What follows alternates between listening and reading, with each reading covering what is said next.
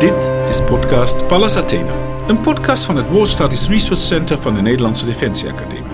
Ik ben Jörg Nol en samen met collega Trineke Palm spreek ik met onderzoekers over hun recente publicaties en belangrijkste onderzoeksresultaten op het gebied van oorlog, conflict, samenwerking en vrede.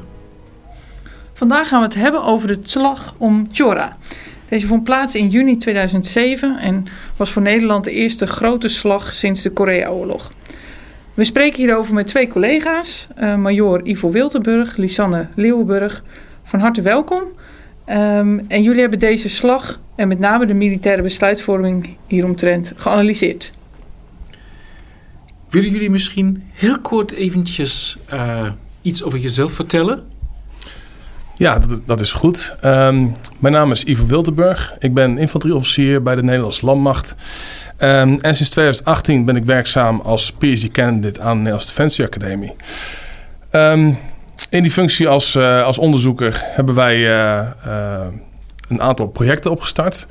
En een van die projecten is een boek over de Nederlandse Operational Mentoring en Liaison Teams. Um, die hebben ge, al gefungeerd in Afghanistan op het Afghaanse leger te trainen. En uh, dit komt ook terug in uh, de slag bij Chora, wat heel erg relevant is. Wat eigenlijk de aanleiding is geweest voor dit onderzoek. Lisanne. Uh, ik ben Lisanne Leeuwenburg. Ik ben reserveofficier bij de Koninklijke Landmacht. En sinds 2017 werkzaam op de Nederlandse Defensieacademie. Ik heb me hiervoor bij de Nederlandse Defensieacademie bezig gehouden met de toekenning van vaandel- en standaardopschriften voor Afghanistan. Daarna een jaar in Den Haag gezeten bij het Nederlands Instituut voor Militaire Historie. En nu sinds vorig jaar met Ivor bezig uh, voor het boek over het Almaté. Al in de inleiding schrijven jullie dat er een enorm verschil bestaat uh, tussen het succesvolle beeld dat Defensie heeft van hoe de slag is gelopen en beschuldigingen van oorlogsmisdaden. Ja, dus dit boek is, uh, lijkt een beetje geboren uit ook wat frustratie uh, over het uh, publieke debat. Dus kunnen jullie misschien iets meer vertellen over wat nou de trigger was om te zeggen: wij gaan zelf dit onderzoek doen? Ja, dat, dat kan ik. Ik heb ehm, in mijn eerste uitzending heb ik, een, heb ik deelgenomen aan de slag bij Chora. Um, en eigenlijk is de, hebben we gezien dat er nooit over iets over is geschreven in de nou ja, afgelopen 14 jaar. En omdat wij uh, nu, um, nu de Slapachora bijzonder relevant is geworden door een aantal rechtszaken, omdat er regelmatig een, um, ja, een, een, publieke interesse is, uh, zie je dat er heel veel misinformatie is, heel veel dingen die worden aangenomen, dat er heel veel zaken zijn die verkeerd worden geïnterpreteerd. En uh, het is dus niet zozeer frustratie om hierover te gaan schrijven, maar wel dat we onderkend hebben dat er een gat zit in de kennis over deze serie van gebeurtenissen. En dat wij dus uh, eigenlijk dat gat willen opvullen. En niet zozeer dat wij um, denken dat er uh, dingen rechtgetrokken moeten worden of dat uit frustratie geboren is. Nou, misschien om dan even op de, hè, we gaan het straks echt uh, over, uh, over jullie bevindingen hebben in jullie onderzoek, maar hè, die trigger van er wordt veel gezegd, dat klopt niet altijd. Wat, wat is een voorbeeld van de kritiek of die je in de media in het, in het debat tegenkomt, of je zeggen ja dat, dat, dat, was niet, dat klopt volgens ons niet? Uh, nou, je hebt bijvoorbeeld de documentaire van, uh, van Sinan Kaan, Het Verraad van Chora. Uh, daar komen ook veteranen aan het woord. En zij zeggen bijvoorbeeld dat de hele nacht kaartvierkanten gestempeld werden door de panzerhouwitser. Dus dat er hele zware bombardementen waren op, op woonhuizen en dergelijke. Um, ja, uit ons onderzoek blijkt dat, dat dit niet het geval is. Dat niet kaartvierkanten gestempeld werden. Dat, we leggen ook uit dat dat eigenlijk helemaal niet kan met, met, dat, met de panzerhouwitser. Uh, er zijn ook dingen die natuurlijk wel kloppen uit die documentaires. Uh, Sinan Kaan zegt bijvoorbeeld uh, dat Defensie een soort gesloten bastion is.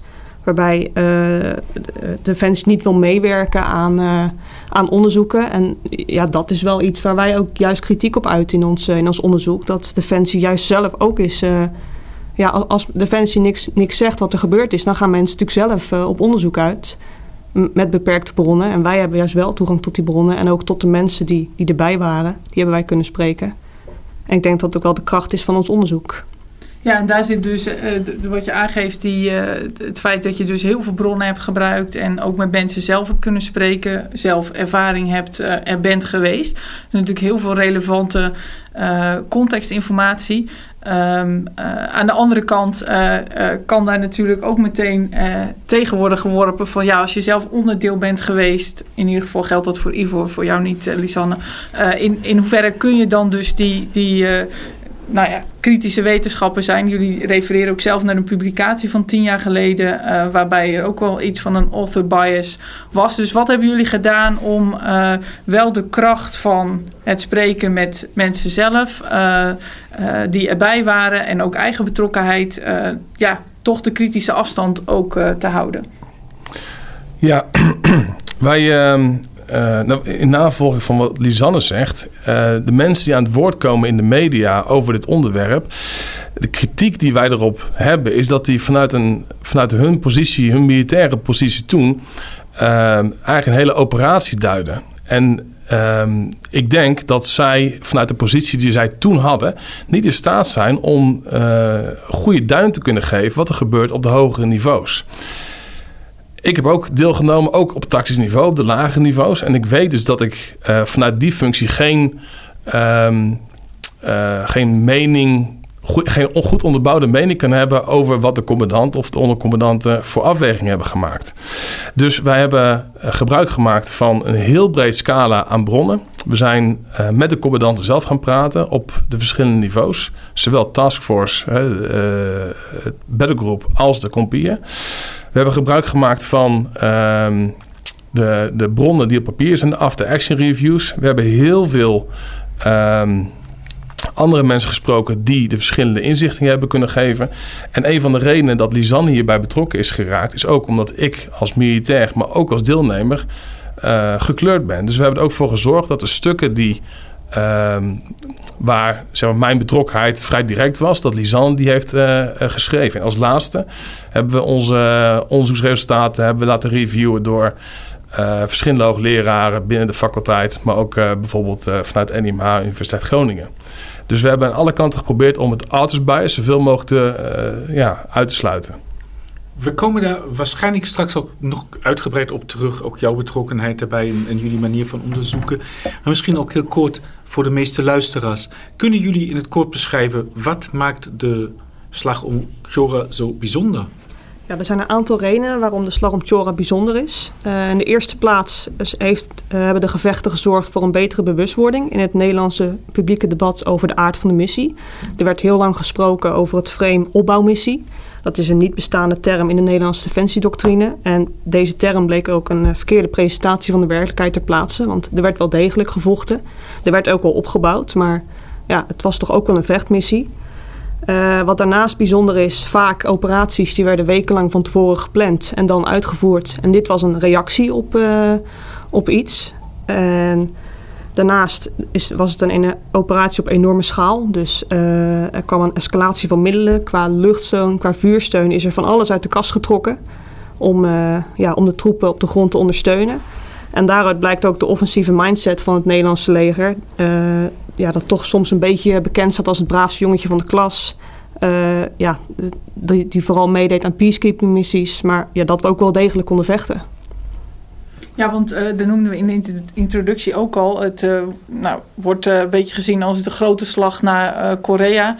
dus in die zin dat als het voor Nederland zo bijzonder was, is het ook niet heel gek dat er misschien ook publieke aandacht voor is en kritisch naar gekeken wordt.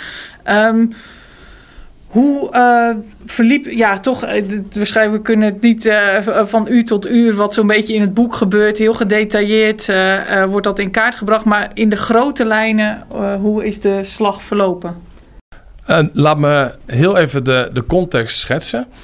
Wat belangrijk is, is dat de slag bij Chora heeft een vrij lange aanloop gehad. En je ziet dat eigenlijk vanaf april een grote druk komt te staan op een gebied in Uruzgan, het Chora-district, waar op dat moment één peloton van de Nederlandse battlegroep aanwezig is. Gedurende een aantal weken wordt die druk op dat gebied steeds groter. En de Nederlandse battlegroep en later ook de TFU die reageert erop door steeds meer troepen samen te trekken tegen de druk van de anti-coalition uh, militia. En dat culmineert op de, in periode tussen 16 en 19 juni in een uh, tegenaanval in het Chora-district. De slag om Chora zelf die vond plaats van 16 tot en met 19 juni 2007. Maar uh, ja, je ziet vanaf het voorjaar van 2007 dat er al sprake is van een troepenopbouw van vijandelijke strijders in het, uh, in het Chora-district en in de vallei daaronder, de Derashaan-vallei. Um, dat is dus vanaf het voorjaar. In april is er al sprake van, van een gevecht, eind april. en als we dan even een stapje maken naar, naar medio juni, 15 juni 2007, komt soldaat de eerste klasse Timo Smeehuizen bij een zelfmoordaanslag in Tarinkoud om het leven. Uh, ja, deze zelfmoordaanslag wordt soms gezien als het startpunt van de slag om Tjora, maar ja, daar hebben wij in ieder geval geen bewijzen voor gevonden. En de echte slag begint dus de dag daarna, op 16 juni, als verschillende politieposten in het Chora-district uh, overlopen dreigen te worden. Uh, Nederlandse pelotons die gaan naar buiten om te ondersteunen. Zij krijgen ook met vuur te maken. En op diezelfde dag dat ook de vraag wordt gesteld van wat is Chora ons waard? Daarna gaat het hard. Dan wordt besloten op TFU-niveau om, uh, om stand te houden in het Chora-district. En dus niet om terug te trekken. Uh, in die nacht dat ook uh, de Panzerhauwitzer vuur, het vuur opent, dat er ook luchtaanvallen worden, worden uitgevoerd onder vijandelijke troepelbouw in het gebied te verstoren. Um, dan de dag daarna, op de 17e, dat er een, een misleidingsoperatie wordt uitgevoerd in een andere vallei om ervoor te zorgen dat, dat, dat de druk op het Chora-district verminderd wordt. Uh, je ziet dat, uh, ja, dat de hele dag dat zij te maken hebben met, uh, met gevechten. Dus het lijkt erop dat het ook werkt. Want de druk neemt wat af op Chora op dat moment. De dag erna dat de Special Forces die al die misleidingsoperatie uitvoerden... nog een keer een misleidingsoperatie uitvoeren. en op diezelfde dag, de 18e is dat... wordt ook het plan voor de tegenaanval gepresenteerd. En dan het plan is om met twee compagnieën van de battlegroup... Uh, vanaf de White Compound, dat is het districtcentrum in Alisheerzai in, in Chora. Uh, om in westelijke richting naar de politieposten te trekken, die dus inmiddels overgenomen zijn door de, door de vijand, om die weer uh, te heroveren. En er is ook nog een politiepost in het oosten, Sarab is dat. En die zal door, een, door Rosie Kaan en een lokale militie zal die, proberen te worden heroverd. Uh, ook op de 18e, dan zijn er nog steeds gevechten gaande, uh, komt sergeant Jos Leunens om het leven bij een, uh, bij een ongeluk bij de mortier vanaf de White Compound. En nog eens drie Nederlanders raken hierbij gewond. Maar de, de dag erna gaat dus ook wel de, de tegenaanval van start. Er is daar inmiddels ook nog een derde as aan toegevoegd van het Afghaanse leger en hun Nederlandse mentoren, waaronder uh, Ivor dus. En zij zullen niet op de flanken bij de Kompier naar het westen trekken, maar door de Green Zone uh, te voet. Uh, ja, dat wordt wel gezien als de, als de gevaarlijkste as, maar uiteindelijk dat op alle drie de flanken weinig, uh, weinig weerstand wordt ervaren. enkele kleinschalige, kortdurende gevechten. En aan het eind van de dag zijn alle drie de posten weer, weer in handen van de coalitie. En met het consolideren van die politieposten komt er ook een einde aan de tegenaanval in Chora. Uh, ja, het merendeel van de pelotons keert dan terug naar Kamp Holland. En de Afghaanse veiligheidsdiensten nemen de politieposten over. En Rosie Kaan, die dus uh, Sarab, de politiepost in het oosten, heeft heroverd... die zal later tot districtchef van Chora worden benoemd. Ja, en als we dan het koppelen aan de, de grote publieke discussies, hè, van waar zitten de, uh, de, de, grote vragen, dan zit het met name op, de, op de vraag van de inzet sowieso en ook de interne discussie die daarover is geweest. Want dat blijkt ook heel duidelijk in jullie boek, dat daar natuurlijk verschillend over gedacht wordt over die beslissing. Niet, er zit niet alleen een politiek-militaire verschil soms, maar ook binnen de militaire organisatie. En vervolgens het gebruik van die uh. Als ik dat even kort uh, samenvat. En als jullie dan uh, uh, heel gedetailleerd beschrijven met al die verschillende bronnen, dan is vervolgens de stap naar welke conclusies kunnen we daar aan verbinden. Ehm, ik denk dat op zich de publicatie al waarde heeft in het gewoon het, het schetsen van, van de verschillende stappen. Um, maar die analyse van die casus, wat, wat, is, ja, wat zijn de criteria geweest? De, ja, de manier waarop je dan vervolgens uit die data uh, de grote lijnen trekt? Nou, het, um, het stuk zelf heeft een hele grote historische uh, inslag. Dus wij proberen om zo nauwgezet mogelijk uit te leggen waarom dingen gebeurd zijn zoals ze zijn gebeurd. En wat de gedachte, wat de intent van de commandant is, waarom hij bepaalde beslissingen heeft, heeft genomen. En in het maatschappelijk debat zie je een hele grote focus op een heel beperkt gedeelte van de gevechten bij Chora. Dat is de nacht van de 16e op de 17e eh, juni. En die inzet van die uh, lucht- en vuursteunmiddelen, met name de inzet van vuursteun, omdat gedurende die periode er eigenlijk zonder waarneming is geschoten met enige tientallen granaten op een gebied in die Chora-vallei. Um, en wat wij proberen is om dat debat te verbreden, om inzicht te bieden in, uh, in die periode. Omdat het, de slag bij Chora die heeft een veel langere prelude. En de uitvoering is veel breder dan, dan alleen die paar uren dat er geschoten is met de panzerhouwitser. En om te kunnen begrijpen waarom een commandant bepaalde beslissingen maakt, dan moet je de context weten van, van de omgeving daar. En zoals Lisanne ook net heeft beschreven, de positie van de commandant. Hij heeft in die periode te maken met bijvoorbeeld het Afghaanse leger, die niet onder zijn bevel staat. Australische Special Forces, die ook niet onder zijn bevel staan. Amerikaanse Special Forces, waar hij ook niks over te zeggen heeft. Uh, er zijn milities die met hem mee willen strijden, zoals bijvoorbeeld de militie van Rosie. Maar er zijn ook milities die weer uh, tegen hem uh, willen ageren. Dus, dus de complexiteit van, van uh, de omgeving waarin de commandant beslissing moet maken, dat is, dat is zo belangrijk om begrip te krijgen, of in elk geval een beter onderbouwde discussie te krijgen waarom uh, die beslissingen zijn genomen. Is dat, dat is eigenlijk het eerste belangrijke wat we willen aanbieden met dit stuk. Uh, het tweede, en daar zullen we misschien straks ook nog even over doorkomen, is dat na de, de slag bij Chora is er heel, veel, heel vaak is er het uh, vergelijk gemaakt met Srebrenica. En die vergelijking die, die komt elke keer weer terug bij ongeveer elke missie die wij als Nederland, uh, als Nederland draaien. Dus we hebben ook probeerd, geprobeerd inzicht te geven in de verschillen die zijn tussen Srebrenica uh, ja, eind vorige eeuw en wat nu gebeurt in Chora. En als laatste hebben wij een aantal observaties, waaronder het, de, de, de, de, moeilijkheid, de moeilijkheid van de intelcyclus om, of de intelketen om een goede presentatie te geven aan de commandant met hoeveel, hoe goed getraind op welke locatie de vaat aanwezig is. Ja, want dat varieerde echt van 150 tot 1000 of zo. Ja, dat varieerde, ja, ja. Dus varieerde daar kun je enorm. geen serieuze planning op maken? Of... Nou, een, een, er zit altijd een, een, commandant heeft altijd te maken met, een, met een, de Intel-paradox. Dus op het moment dat hij zeker weet dat iets gaat gebeuren, dan gaat hij erop reageren. En op het moment dat er is, op is gereageerd, dan denkt de vaat, ja, uh, we kunnen niet meer, niet, nu niet meer, want de basis is versterkt of er maatregelen genomen. Dus een, een, de Intel-functionaris heeft een hele lastige positie om daar een goed advies in te geven. En zie je door een aantal factoren die we beschrijven in ons boek, dan zie je dat de Intel-keten niet in staat is om dat hele brede nummer, om dat beter toe te spitsen. En, en, en dan moet een commandant beslissingen maken over ja, met hoeveel Taliban of anti-coalition militia heb je te maken.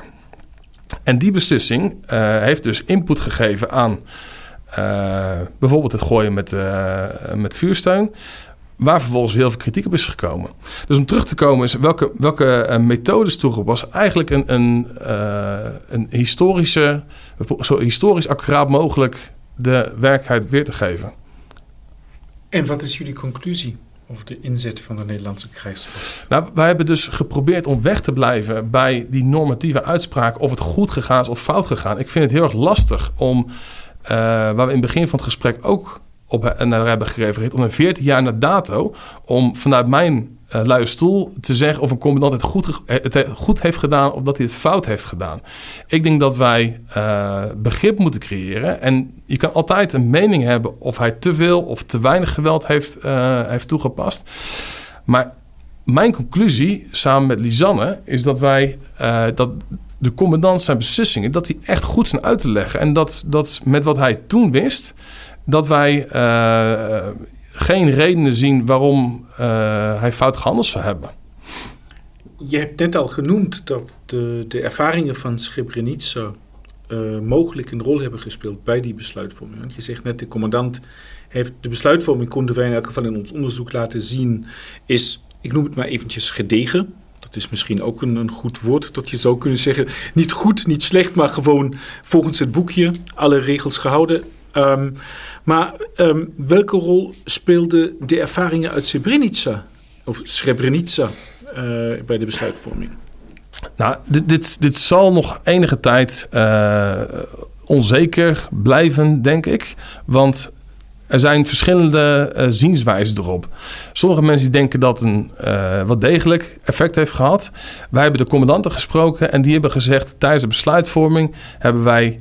heeft Srebrenica heeft geen rol gespeeld uh, om ons besluit ja, om, om, ons besluit te nemen. Tegelijkertijd de compie die toen in Chora aanwezig was... dat was een compie van 13 bataljon. En er zaten een aantal veteranen van Dutchbed... En uh, voor hen was het wel een grote, uh, uh, groot belang om niet weer een stukje gebied op te geven. Kun je daar iets meer over vertellen? nou, de commandant van de compie was een, een Dutch 3 veteraan. Ehm, en, en deze man die heeft, ja, had een sterke mening over dat hij niet nog een enclave wou, wou verliezen. Um, maar tegelijkertijd heeft hij dus die vraag ook gesteld, nou, zoals Lisanne net zei, van ja, wat is Choren ons dan waard? Um, een merendeel van de uh, veteranen van was ook bij die compie van 13 bataljon aanwezig. Maar uh, uiteindelijk worden de beslissingen over staan of blijven staan of weggaan, wordt niet op dat niveau gemaakt. Maar bij de commandant die daar boven zit en de tascommandant. Ze hebben natuurlijk ook uh, de eenheidsvlag gehesen op de White Compound. Uh, om dus ook aan te geven van dit keer blijven wij wel als, uh, als stoters van, van het 13e bataljon. Dus dat, dat geeft ook wel aan dat op dat niveau dat, dat het wel degelijk speelde. Maar ja, daarboven, dus de, de battlegroep niveau, het TVU niveau, daar, ja, de commandant geeft aan dat daar, daar niet gespeeld heeft. En ja, het lijkt ook alsof die vergelijking met Srebrenica vooral ook na Chora is gaan leven. Dus in die zin dat er werd gesteld, er is een tweede Srebrenica, Srebrenica voorkomen.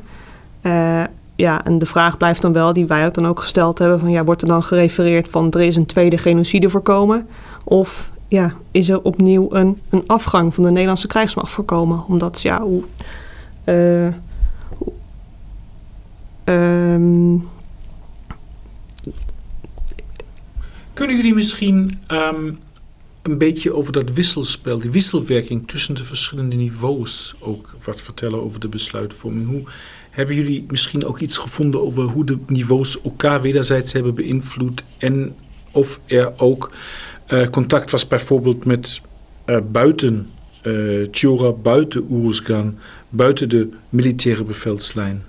op 16 juni dat de vraag vanuit Chora, vanuit de compagniecommandant wordt gesteld van wat is Chora ons waard? En dan gaat onder andere de commandant van de taskforce, de Belleroe-commandant en ook de, onder andere de, de juridisch adviseur van de missie. Die hebben dan contact met elkaar en uiteindelijk dat de TVU-commandant besluit we blijven. En hij heeft vervolgens ook contact met de CDS in Nederland om te vertellen wat er, uh, ja, dat, wat er, wat er gaat gebeuren. En ook met het hogere niveau in Kandahar, dus het Regional Command South. Uh, ja, daar vertelt hij ook wat zijn beslissing is geweest. En uh, ja, ook wat, wat dus daarvan de, de gevolgen zullen zijn qua geweldsinzet. Wat, wel heel interessant is om te zien, is dat um, in het gesprek wat de commandant van TVU heeft gehad, waar ook de commandant van de beddengroep bij aanwezig is geweest, dan zie je dat er verschillende meningen zijn over of er moet worden teruggetrokken of dat er moet worden standgehouden. Um, en uit onderzoek blijkt dat, dat uh, de meningen lagen wel ver uit elkaar. En er is dus ook een, een stevige discussie gevoerd over tussen de beide commandanten. Gaan wij blijven of gaan wij, uh, gaan wij vertrekken? En um, hoewel dus die discussie wel stevig is geweest... dan zie je op een gegeven moment de, de TVU, de hoogste commandant... die, die maakt zijn besluit... Um, en, en dan wordt uiteraard wordt het door zijn, uh, door zijn uh, wordt die opdracht uitgevoerd. Um, en dat is tegelijkertijd, dat, dat, dat, laat wel zien dat, dat we bij Defensie in staat zijn om een, een goede, of dat er bij Defensie in staat, in staat is om, om het niet per se met elkaar eens te zijn, maar wel in het oogmerk van, van de commandant de opdracht uit te voeren. En wat voor andere lessen denken jullie kunnen we trekken uit, uit de slag bij Chora? Um, Nou, er zijn, een aantal zaken uh, die de gevechten bij Chora hebben beïnvloed. Waar we achteraf kunnen zeggen van we hadden dit beter moeten en kunnen inrichten. Een van die aspecten is bijvoorbeeld dat wij een getrapte uitzendduur hebben. Uh, bijvoorbeeld de beddengroep ging vier maanden op, op uitzending. De TVU-staf ging zes maanden op uitzending. Nou, dit zorgde ervoor in 2007 dat de TVU, die was een aantal maanden in het gebied, toen is een nieuwe beddengroep is ingevlogen. En de commandant van de TVU en de commandant van de beddengroep, die hebben dus nauwelijks met elkaar samengewerkt voordat ze elkaar tegenkwamen in, uh, in Tarinkot.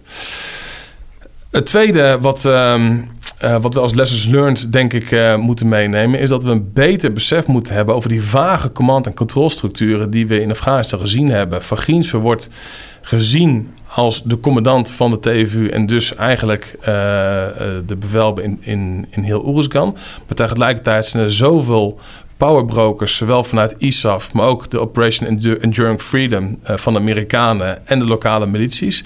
Dat eigenlijk de commandant van een TVU is echt maar één van de spelers. En, en zijn invloed is dus ook maar beperkt. Um, een derde is dat we echt behoefte hebben aan een duidelijke opdracht aan de commandant. En dat is nou, er zijn al meerdere onderzoeken naar geweest, maar gedurende Oeruzgan heeft elke commandant naar eer en geweten een, een redelijk vage opdracht uh, zelf ingevuld. En dat zorgt ervoor dat die interpretatie van wat er moet gebeuren natuurlijk per rotatie wisselt.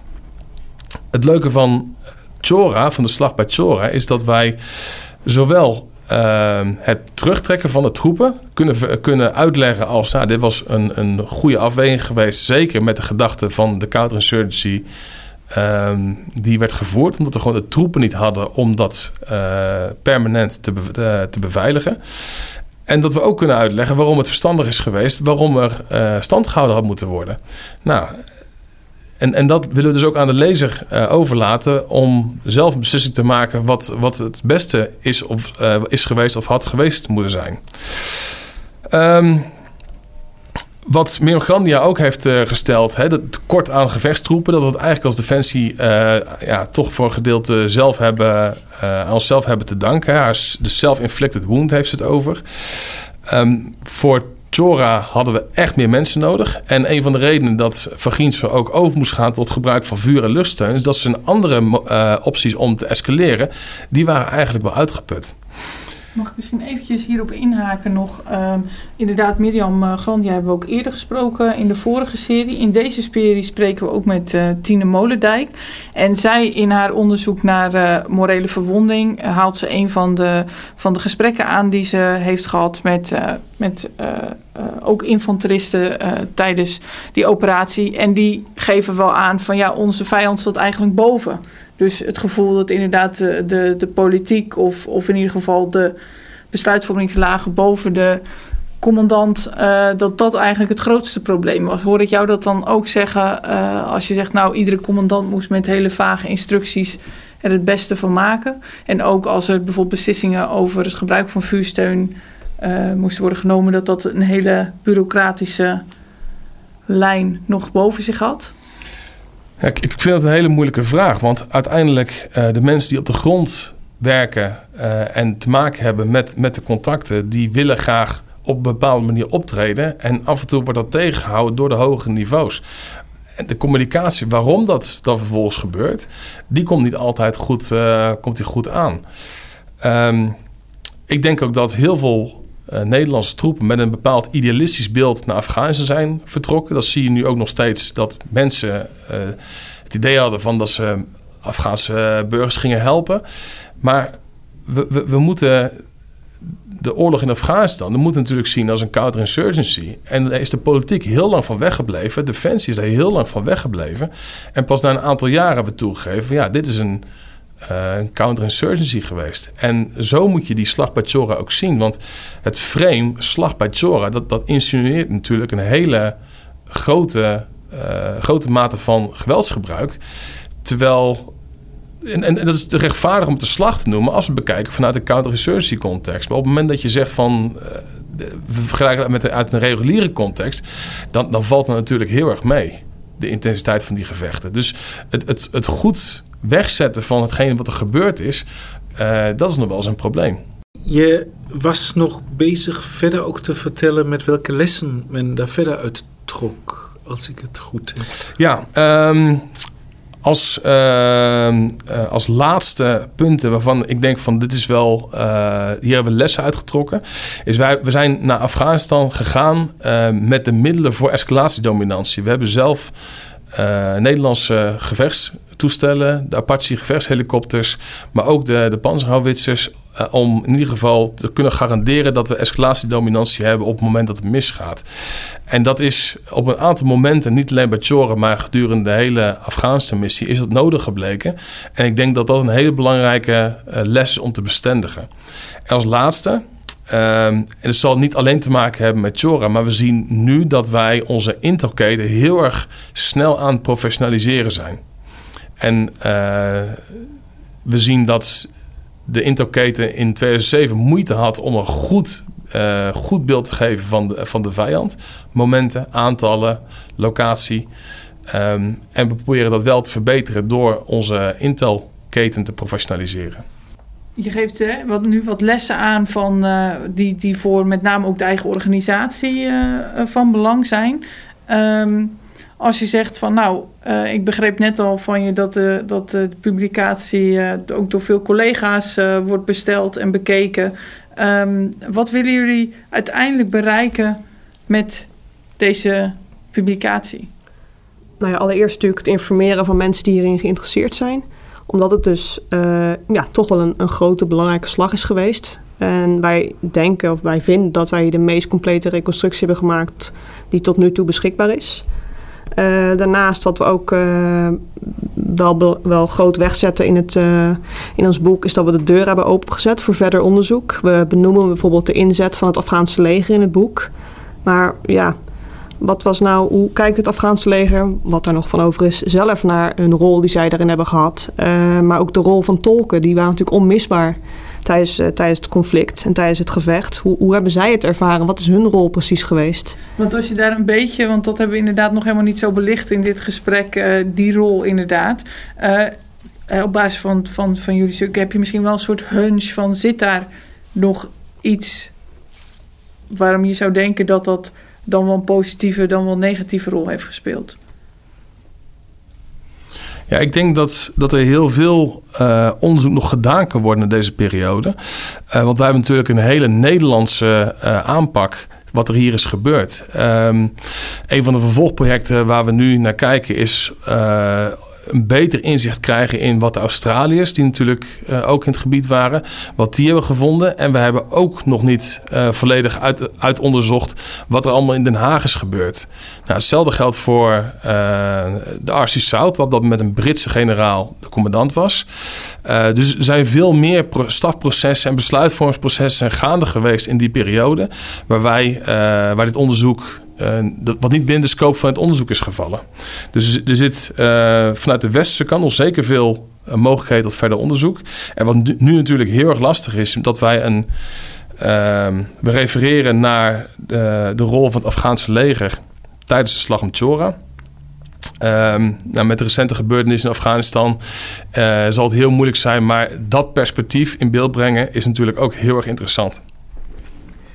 Nu heb je zelf aangegeven, je hebt nog niet alles onderzocht. En je hebt nog niet met name gekeken, dus inderdaad, wat, wat in Nederland gebeurd is en zo. Maar kunnen jullie misschien wel ook aangeven van wat uh, valt hier voor de Nederlandse politiek en misschien ook voor de Nederlandse samenleving van jullie onderzoek te leren? Ja, het, het, ik denk dat het belangrijkste is dat wij uh, middels onderzoek hebben laten zien dat je gewoon heel erg open kan zijn over de inzet van je militaire uh, machtsmiddel als Nederlandse uh, politiek. Wat er gebeurd is. En we hebben het echt uh, vrij uitgebreid onderzocht. Maar er is, uit het onderzoek is niks ge gebleken dat er excessen zijn geweest of dat besluiten niet zijn uit te leggen. Um, en ik denk als je als defensie transparant wil zijn, dan, dan, dan moet je dit soort operaties kun je veel sneller en beter en opener beschrijven dan tot nu toe gebeurd is geweest. En Um, wat wij hebben gezien is dat de gedeelte van de publiciteit over Chora, die in de afgelopen nou ja, jaren geweest is, dat de reactie vanuit Defensie steeds is geweest van nou, we zwijgen het dood of we werken niet mee aan journalistieke projecten, uh, we werken niet mee aan, aan documentaires. Um, en, en dan blijf je constant, en dat zie je in 2007, 2014 en nu in dit jaar weer, die, die vragen krijgen vanuit het parlement om erachter te komen wat er nou precies gebeurd is. En ik denk dat wij daar um, middels dit onderzoek een uh, enige openheid in hebben kunnen geven. Maar ik denk ook dat, uh, dat we hiervan kunnen leren dat je open kan zijn over je militaire operaties. Zonder dat je daarbij per se jezelf in de vingers snijdt. Want het is echt heel goed uit te leggen. En uh, dit project is, uh, dit was eigenlijk, zoals ik heb begrepen, maar een deelproject van het grotere onderzoek wat, wat plaatsvindt. En waar ook het idee is om later dit jaar een publicatie hebben. kunnen jullie daar nog iets meer over vertellen?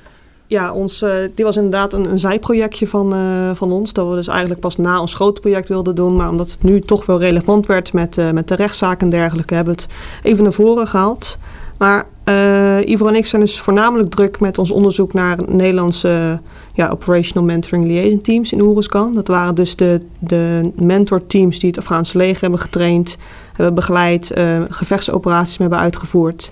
En daar komt de slag om Chora natuurlijk ook in voorbij. Uh, gaan we er juist uh, uitgebreider op in. Wat was nou de rol van, van het Afghaanse leger en van die Nederlandse mentoren?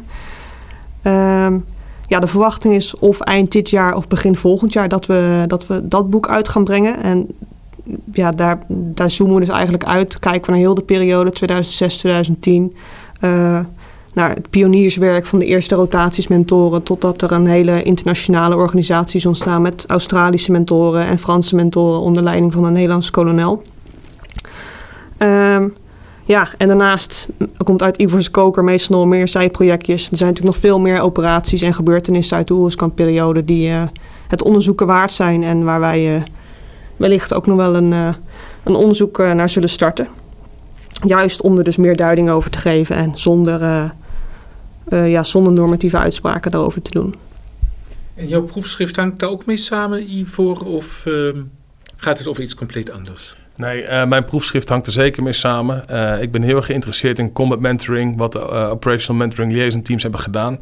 En voor mijn proefschrift maak ik gebruik van organizational learning theorie om de wijze van inzet van de verschillende staten in, in Afghanistan uh, om die met elkaar te vergelijken. En mijn casussen zijn uh, Groot-Brittannië, België en Nederland. Heb je al een sneak preview of moeten we echt wachten tot je promotie? Uh... Nee, ik, ik ben nu de laatste hand aan het leggen aan mijn laatste twee casussen. Um, dus ik, ik, ik hou de, de conclusie nog heel even voor me. Heel verstandig. Dus. Dan moeten we je gewoon nog een keertje uitnodigen. Ja. Graag. dankjewel. Dit was Pallas Athena, de krijgswetenschapspodcast van het War Studies Research Center van de NLDA. Vandaag hebben we Ivo Wiltenburg en Lisanne Leonberg te gast. En met hen spraken we over de slag bij Chora, waarvan we dus ook hebben geleerd dat we de slag misschien niet moeten vergelijken met een slag zoals tijdens de Tweede Wereldoorlog, maar moeten het zien in de context van de counterinsurgency eh, die we toen hadden in Afghanistan. We hebben geleerd dat in die chain of command en in die besluitvorming eigenlijk stevige discussies werden gevoerd. Zo kennen we de Nederlandse krijgsmacht ook. Maar dat uiteindelijk bij de uitvoering het oogmerk van de commandant centraal stond en dat men zich daaraan heeft gehouden.